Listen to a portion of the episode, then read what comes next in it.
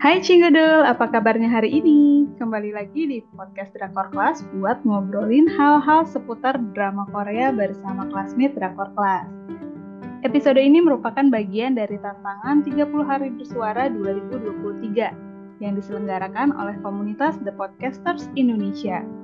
Dalam episode kali ini, saya dan Mbak Desi mau bahas tentang fenomena gelombang Hallyu dan tentunya yang berdasarkan pengalaman kita berdua juga nih ya, sebagai uh, orang yang sudah terpapar Hallyu Wave. Mbak Desi boleh dong pendengar podcast kita dikasih tahu dulu nih, sebenarnya yang disebut sama fenomena Hallyu Wave itu apa sih? Kalau yang aku tahu sih ini fenomena yang merujuk ke apa ya namanya kayak kan wave itu gelombang gitu ya. Kita kayak kena sapuan atau gelombang culture-culture uh, yang berhubungan dengan Hallyu itu uh, apa ya? Hallyu itu untuk sebutan uh, culture Korea ya. Dan yang keluar banget itu kan uh, apa namanya tuh dulu pas Hallyu Wave istilah Hallyu Wave pertama tenar itu adalah budaya popnya kayak Korean uh, Korean popnya atau sekarang kita sebut K-pop sama Korean dramanya. Tapi makin ke sini kayaknya Hallyu Wave juga uh, ngebawa culture termasuk makanannya juga ya mbak ya. Soalnya aku ngeliat kayak hampir di seluruh kota di Indonesia itu pasti ada restoran Korea kalau sekarang gitu. Kalau dulu Hallyu Wave itu cuman ngejelasin uh, apa namanya culture uh, Korean yang dibawa keluarnya itu cuman untuk Korean drama dan K-pop. Tapi kayaknya bukan makin surut mereka malah makin gede akhir-akhir ini bawa makanannya mereka juga sih itu yang aku pahami dari Mbak Ima gimana? Uh, sebentar, ini kita sapa dulu nih ada teman kita satu lagi, Mbak Lita, Anyong. Halo Mbak Lita. Halo, halo. Sorry ya, telat ya iya. ampun. Gak apa-apa Mbak. Ini kita lagi bahas tentang Hallyu Wave nih. Mbak Lita sendiri nih. Menurut Mbak Lita Hallyu Wave itu seperti apa sih di Indonesia terutama ya? Mungkin aku sudah lewat sih masa itu ya. kita kayak satu generasi untuk diriku sendiri untuk diriku sendiri itu tuh aku sudah lewat karena waktu aku yang apa namanya uh, bener-bener lagi upnya K-pop itu di tahun 2000-an pastinya ya di usia muda lagi panas-panasnya gitulah kalau gelombang gitu tuh kan uh, Korea tuh gelombangnya udah berkali-kali gitu ya. Nah mungkin untuk di Indonesia sendiri upnya lagi itu pas zaman covid kali ya. Jadi itu semakin besar lagi Halloween wave-nya dan kalau pas covid sih sebenarnya aku sudah turun gitu udah nggak udah nggak ikutan di gelombang itu kalau menurut pribadiku. Jadi uh, aku justru yang sekarang hanya untuk menikmati aja pas di hari longgar aja gitu Kak Ima. Kalau Mbak Desi sendiri nih pertama kali suka K-pop tuh kapan jadi oh ya sebelumnya Hallyu Wave ini bisa berupa macam-macam ya tadi kata Mbak Desi bisa dari makanannya, terus K-pop, K-drama, variety show segala macam gitu kan ya. Pokoknya culture-nya Korea itu terbawa arus yang sangat besar sehingga bisa mengglobal gitu lah itu. Nah kalau Mbak Desi sendiri suka K-pop itu dari kapan dan kenapa dilanjutkan gitu? Kayaknya kita satu generasi sih. Aku juga sama lah ya. Udah lewat uh, kayak masa peak seasonnya gitu. Puncak-puncaknya tentu aja sama uh, pas aku kuliah juga itu dimulai dari 2008. Itu zaman-zaman tenarnya setuju sama Sinyo Side kan. Uh, dan aku bahkan sampai ikutan jadi member fansnya Sinyo Side yang disebut Sowan itu gitu dan aku sampai sekarang sih masih ngikutin Sinyoside cuman kan Sinyosidenya sendiri pun nggak seaktif dulu walaupun baru kemarin ada comeback karena itu kan anniversary-nya mereka gitu. Tapi ya uh, untuk ngikutin kayak kesembilan membernya itu karena terpisah-pisah nggak segampang dulu gitu. Kalau dulu kan kegiatan mereka bersembilan per gitu. Kalau sekarang agak susah jadi aku nggak terlalu udah berdelapan bukan sih sekarang? Iya betul, udah berdelapan, tapi kan forever nine. iya iya. Biasa lah fans kayak gitu. Tapi ya intinya agak susah buat uh, untuk jadi kayak fans K-pop yang aktif kayak dulu sih. Kalau dulu aku beli album iya, terus kalau ada konser kayak SM Family gitu uh, ikut juga iya. Kalau sekarang lebih ke baca berita dan lebih into ke drakornya aja sih. Mungkin uh, karena aku masih tetap uh, menjalani single life jadi kayak satu-satunya hiburan aku ya apalagi kalau kan uh, variety show dan drama kayak gitu. Cuman kan kalau K-pop ya makin dede-dede dede-dede gemes gitu. Jadi kayak agak agak susah intunya paling cuman kayak udah jauh ya ininya. Iya, iya. Jadi takut merasa pedofil atau gimana. Jadi cuman kayak oh iya Kyowo udah gitu doang. Enggak seintu waktu masih zaman emang waktunya gitu. Karena waktu itu kan kayak amasinya si Dek pun usia nggak terlalu jauh lah gitu. Taeyeon aja 89 aku kelahiran 87 kayak yang ya masih cinggu lah gitu. Jadi masih umuran lah ya. iya benar-benar kalau sekarang masih ngikutin tapi yang nggak seaktif dulu lah. Paling paling aktif Korean dramanya. Makanya sampai akhirnya ikut apa komunitas drama kelas juga karena sekarang lebih into ke Korean drama sih gitu. Hmm. Aku mau bacain sedikit tentang fenomena Korean Wave ini di Indonesia ya. Jadi awalnya itu gimana sih gitu di Korea sendiri bisa ada Korean Wave ini.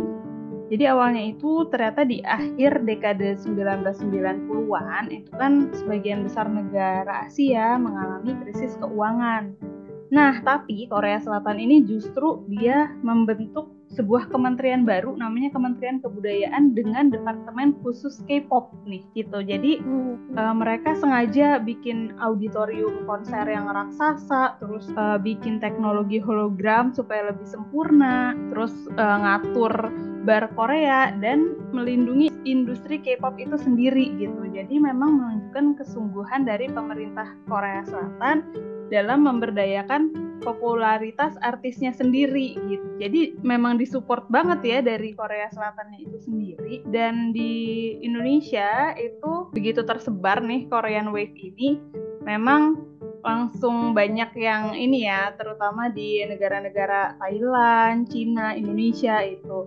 Apalagi di tahun 2019 ini uh, tercatat nih kalau Indonesia itu masuk pada peringkat ketiga di mana hmm. masyarakatnya itu banyak mentweet terkait artis Korea Selatan. Iya artis K-pop.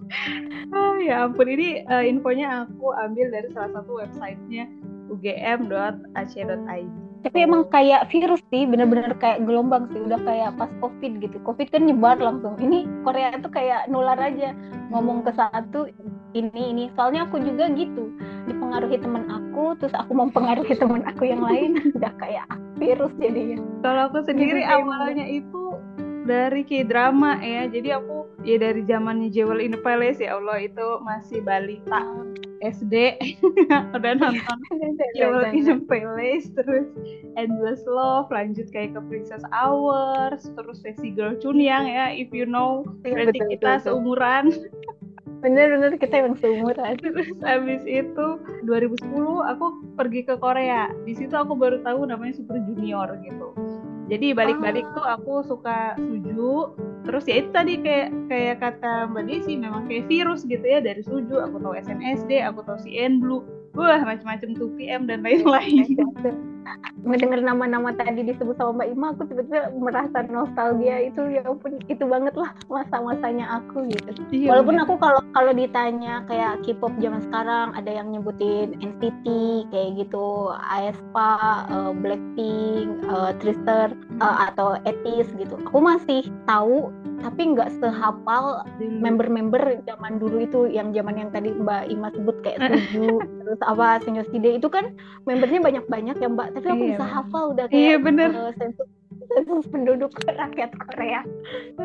Iya kalau zaman dulu itu ya ya itu tadi ya kayak kata Mbak Rita mungkin kita sudah terbawa gelombang satu kayak covid aja ya beneran ya. Jadi ada gelombang satu gelombang dua gelombang tiga. Ini kita udah lewat karena si membernya itu sendiri pun sekarang banyak main drama gitu kan ya. Jadi aku ngikutinnya dari drama Koreanya itu sendiri. Tapi tetap keren sih Mbak. Maksudnya tuh dulu kan bahkan artis K-popnya sendiri mengakui kalau zaman dulu tuh susah mereka reuni-reuni. Ya udah kalau disband ya disband aja gitu.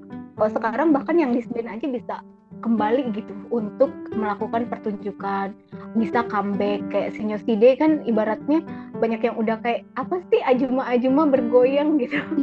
Kayak tante-tante om-om. Tapi sekarang bahkan nggak ada gitu yang uh, berkomentar kayak gitu ini om om ngapain sih di atas panggung gitu kayak sujud ya mereka mau comeback tetap ada aja gitu inginannya. Iya, karena Iya, tetap ramai. ini. Hai hai sorry sorry sorry. Iya, gimana Mbak Lita? Ikut timbrung dong. Iya. Hmm, tadi udah disebutin banget. Emang benar kita seumuran ya. Maksudnya eh, mungkin aku tersapunya di, maksudnya tersapu ombaknya gitu, gelombangnya itu waktu yang pertama ya alias kalau K-pop itu di generasi dua gitu, generasi dua. transisi dari generasi eh, dari generasi satu ke generasi dua lah. Ya aku kenal dengan 2PM, kenal Suju, tapi eh, biasku adalah Big Bang gitu ya. Eh, terus aku tahu To Anyone gitu ya. Maksudnya gitu. Terus eh, terakhir aku bener-bener intens untuk ngikutin itu sampai EXO gitu ya. Eh, dulu sempat pas kerja gitu ya ternyata The Hairs ya waktu itu drakornya yang eh, benar-benar booming setelah Jungle in the Palace. Mas setelah pendahulu yang tadi udah Iya. disebutin tuh terus booming lagi kan di Hairs ya waktu uh, Lee Min Ho tuh sama Park Shin Ye gitu kan betul. Terus ada lagi Well Were You Sleeping gitu tuh juga termasuk yang gelombang juga Lee Jong Suk sama Susi gitu kan.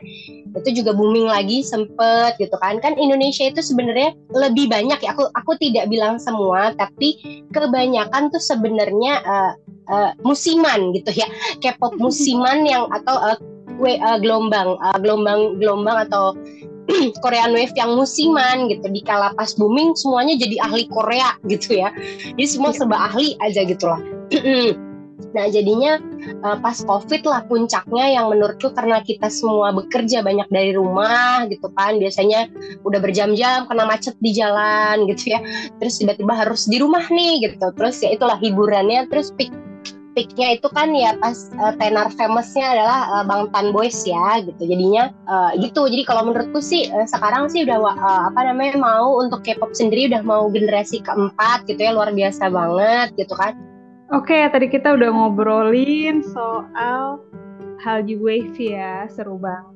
Bikin nostalgia ke zaman-zaman gelombang kedua gitu. Kita bertiga gara-gara satu angkatan. Sekarang em, minta kesimpulannya dong nih teman-teman classmate. Kesimpulan dan mungkin sekaligus ini juga kali ya. Tips-tips buat adik-adik Gen Z.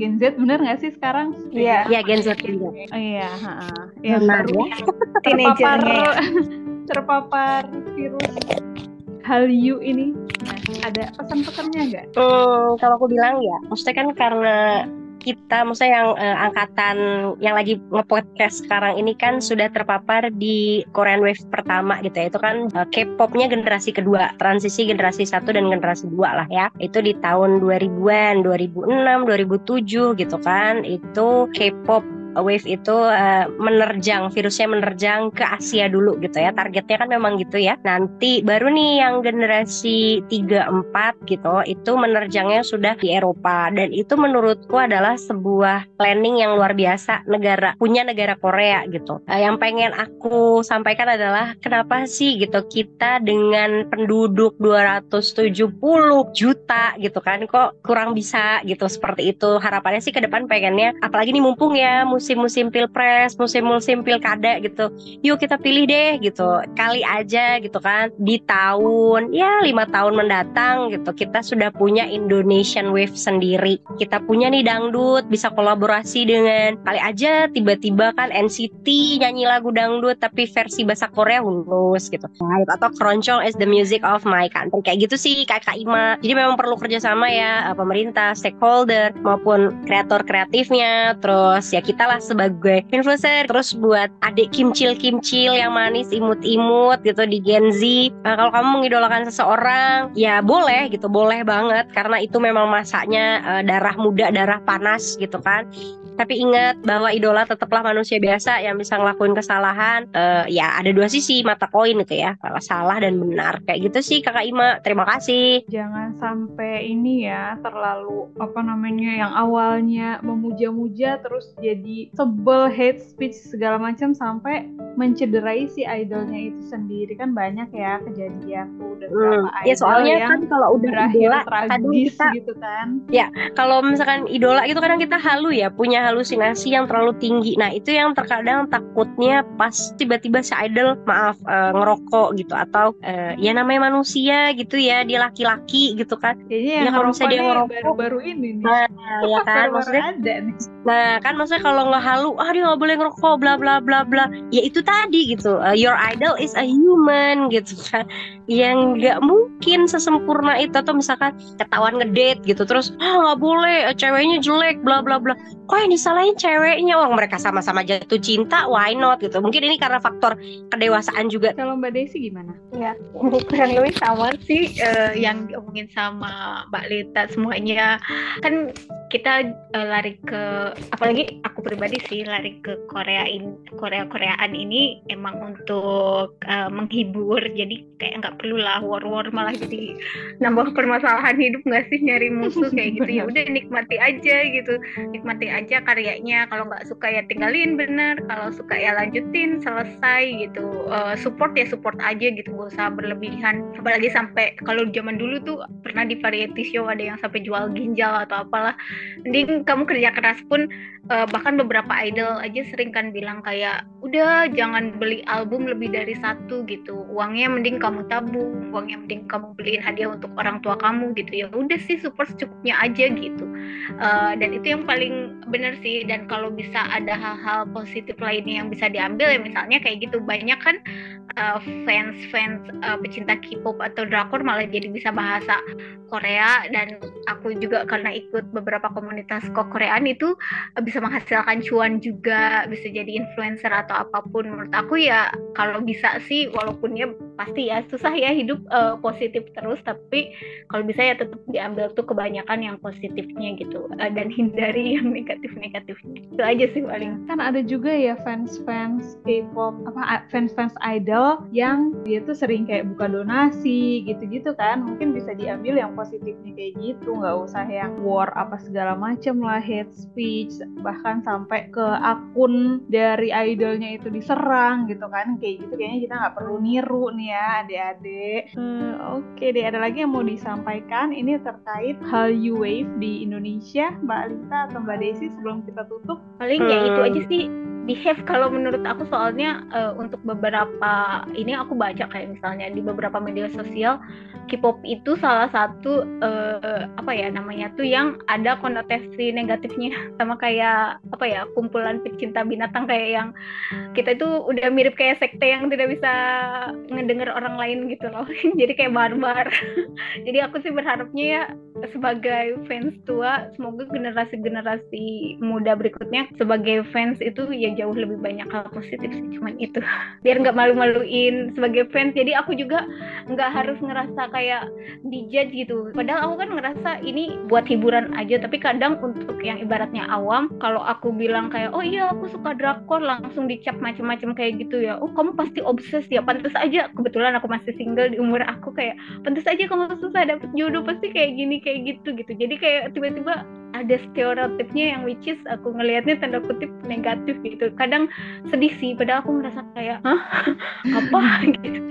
Gitu sih Hali padahal buat diri kita sendiri positif gitu ya. Orang lain tapi mikirnya yeah. negatif mulu. Iya aku iya aku ngerasanya justru banyak hal positif uh, yang aku dapat gitu. Maksudnya bahkan untuk sumber kebahagiaan pun untuk entertain aku ngerasa emang kayak gitu loh. Di saat-saat aku ngerasa drop atau apa gitu sama uh, real life aku aku larinya ke K-pop ya udah gitu. Tapi aku nggak pernah ngerasain yang sampai uh, halu gimana gimana beli album pun aku gitu.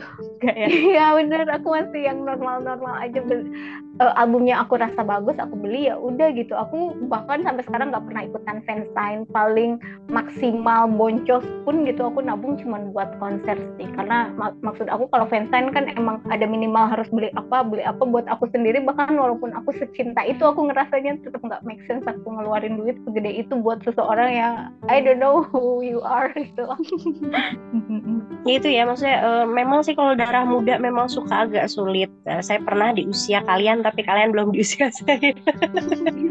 Benar. Jadi uh, idolamu adalah manusia biasa gitu. Ya kalau di drakor kan gampang banget ya ketemu idola terus jatuh uh, tiba-tiba jatuh cinta gitu itu tidak bisa terjadi di dunia nyata. Intinya sih kayak gitu. Tolong uh, Cinderella syndrome gitu ya. Mungkin kita kebanyakan nonton Cinderella kali ya jadinya kita punya Cinderella syndrome yang bahwa kita ketemu pangeran terus jatuh cintanya mudah oh itu sangat tidak bisa terjadi di dunia nyata. Itu aja sih. Jadi uh, tolong lebih relevan lebih wise uh, wise ya apa pun gitu uh, apa yang terjadi dengan idolamu gitu ya sudah terima gitu untuk Indonesian Wave sendiri itu harapan pastinya yuk mumpung kamu Gen Z gitu dan kalau misalnya memang kamu berkualitas coba yuk uh, apa beneran dukung gitu. Kalau aku sih lebih ke arah mendukung ke arah positif. Kalau misalkan memang sudah mulai war-war negatif lebih baik hindari gitu kan. Karena mm, ya memang nggak guna juga untuk hal-hal kayak gitu gitu. gitu aja sih.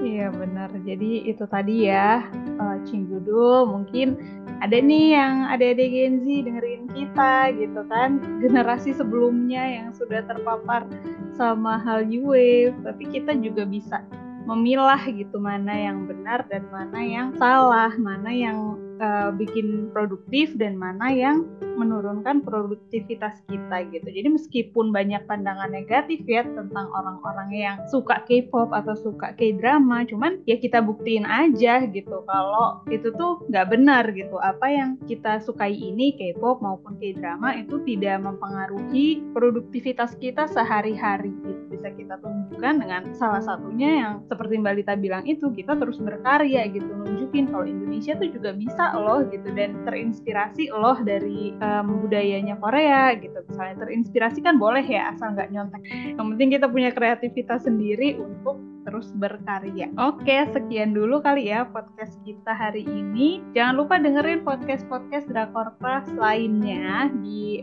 Drakor Plus tentunya dan follow sosial media kita. Semuanya ada, tinggal search aja Drakor Plus. Oke, makasih Mbak Lita dan Mbak Desi. Annyeong. Terima kasih. Kalau ada salah kata, annyeong.